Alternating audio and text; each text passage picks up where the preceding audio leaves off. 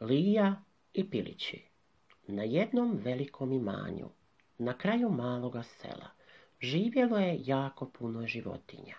Sve su te životinje bile zanimljive, samo jedna kvočka je bila jako posebna.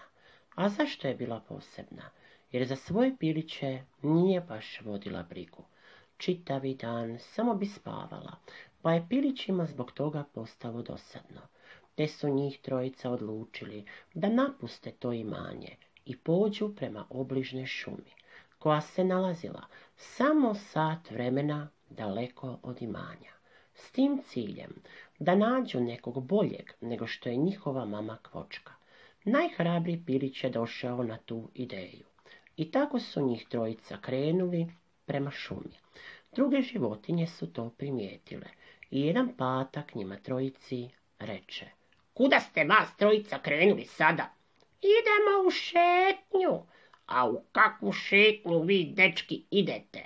Pa samo sat vremena, pa dokle stignemo. A vaša mama, vodite i nju s vama? Ne, ne, ne vodimo je.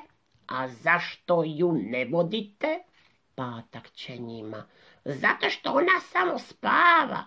A tako znači, dečki, i ode patak svojoj patki, a pirići se uputiše prema šumi. U toj šumi, u starom drvetu, živjela je jedna lija koja se zvala Megi. Danju bi samo spavala u svom drvetu, a noću bi odala po šumi tražeći neko društvo, a nikad nije imala sreće da nađe bilo koga.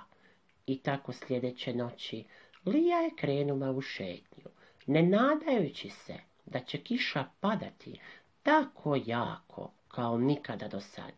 I dok je Lija hodala šumom, kiša je počela da pada.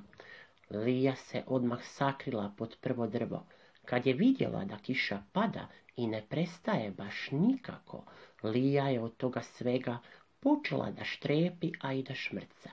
Pilići su se približili šumi kad je ta jaka kiša počela i shvatili su da ta kiša nije baš najbolja za bilo koga. Najstariji pilić je pronašao tri rupe i tako su njih trojica sakrili se od te jake kiše, da pričekaju dok ona ne prestane. A jadna Lija sva se trese, te još i šmrca, i shvati Lija da je se ozbiljno prehladila od kiše. Kad je sve to prestalo, Jedva je došla u svoje drvo, uzela je jednu staru vreću, legla u svoj krevet, ne osjećajući se baš najbolje. Pilići nakon te jake kiše izviriše vani svojih rupa i viknuše na glas. Pa nas su rupe spasile od te jake kiše. I njih dvojica kažu. A tebi, braco, hvala za to. Stvarno si pravi car. Ma hvala dečki na komplimentu, pa braća zato služe. Zato ćemo nas dvojica samo slušati tebe i budemo našli nekog boljeg nego što je naša mama kvočka. A jesi ti smislio kuda ćemo da idemo? Jesam, jesam, idemo u šumu, pa ćemo upoznati nekoga. Neće to biti opasno za nas, braco pa ne mora uvijek biti opasno, kao što svi govore. I tako njih trojica krenuše dublje u šumu. Dok su išli šumom, sve je više vode bilo. I stigoše do drveta gdje je živjela Lija. Htjeli su njih trojica da zaobiđu to drvo, ali nije bilo moguće zbog kiše, jer je samo voda ostala.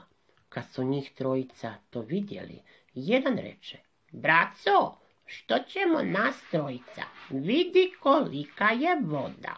Da, da, vidim. I ne znam ti reći da li ćemo moći dalje. A što ćemo sada, braco? Daj, daj, nemojte paničariti. Prespavat ćemo u ome drvetu. Kako to misliš da se popnemo u njega? Idem ja da to vidim, pa budemo znali. Idemo i mi za tobom. Ajde, ajde. Dođite sa mnom, braćo moja. Kad su došli pilići do drveta, te vidješe veliku rupu. Najstariji reče, dečki, da, braco, pa nemojte se plašiti, jer tu ćemo da budemo sve dok se voda ne povuče. Da možda tu netko ne živi, jesi siguran u to hrabri? Pa provjerit ću. Nemoj ići sam i mi idemo s tobom. Kad su ušli, Lija je hrkala ko stari top. Kad jedan će pilić. Braco, ko to hrče tako jako u ovome drvetu? Nija nisam siguran ko je to.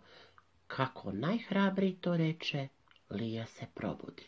Kad su pilići ugledali Liju, njih se trojica od straha skupiše jedan pored drugog, a Lija sva kremeljiva, te šmrca, od preklade sva se trese, reče pilićima.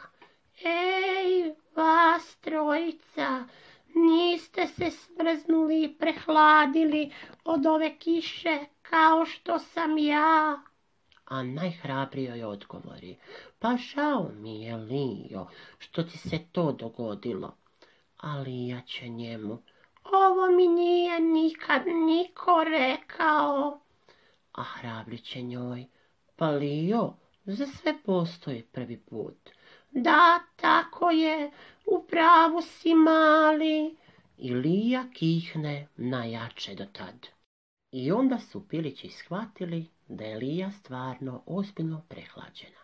Kad hrabriće, pa Liju, što se to dogodilo s tobom?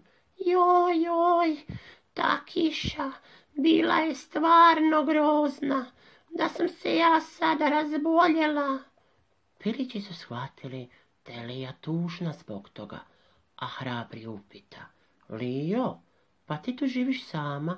Da, da, tako je mališa. Možeš me zvati hrabri, Lijo. Dobro, dobro, kad ti tako kažeš. Pitao sam te, Lijo, ti sama živiš tu u svome drvetu. Da, da, živim sama, a vas trojica? Mi smo otišli od svoje kuće. A zašto ste otišli? Jer naša mama Kvočka samo spava po čitave dane. A znači tako, dečki? I onda smo li okrenuli nas trojica, pa da nađemo nekog ko nije ko naša mama Kvočka. A vama kiša nije ništa loše donijela, dečki? Kao na primjer meni? Ne, nije Lio, jer ja sam pronašao rupe i tako smo se sakli nas trojica od kiše. A dva pilića rekoše na glas. Pa zato mi našeg bratu zovemo hrabri. Dobro, dobro, dečki. I Lija legne u svoj krevet, a hrabri pita. Lijo, Reci, jesi li ti što bolje? ne hrabri, nije mi dobro. Pa kako se osjećaš da ti nije dobro, Lijo? Puno mi je hladno, iz nosa mi jako curi. E pa Lijo, ti si od ove jake kiše gripu dobila. Pa valjda je tako hrabri. A otkud ste vas trojica stigli baš u moje drvo? Zato što iza njega je samo voda, pa nismo mogli dalje. A tako znači, Ja ti moram reći, Lijo, da mi je žao što si ti dobila tu gripu. a što mogu hrabri, tako je sada. I njih su trojica između sebe dogovorili nešto na brzinu. I hrabri upita Liju. Lijo, Da, hrabri, što me trebaš? ja i moja dva brata imamo ideju da tebi pomognemo dok te gripa ne prođe, pa da ostanemo tu kod tebe. Da li se ti slažeš s tim, Lijo? A Lija se polako diže iz kreveta i reče. Unaprijed vam hvala, dečki, radi toga. I u ovoj mojoj kući možete se osjećati kao da je vaša. A hrabri će. Lijo, pa hvala ti zbog toga. budemo se potrudili da te ta nesretna gripa što prije prođe. Hvala vam, dečki. Ilija je odmah zaspala, a pirići su isto sebi našli mjesto gdje će da spavaju, te su odmah i oni zaspali. I ovo je kraj prvoga dijela priče.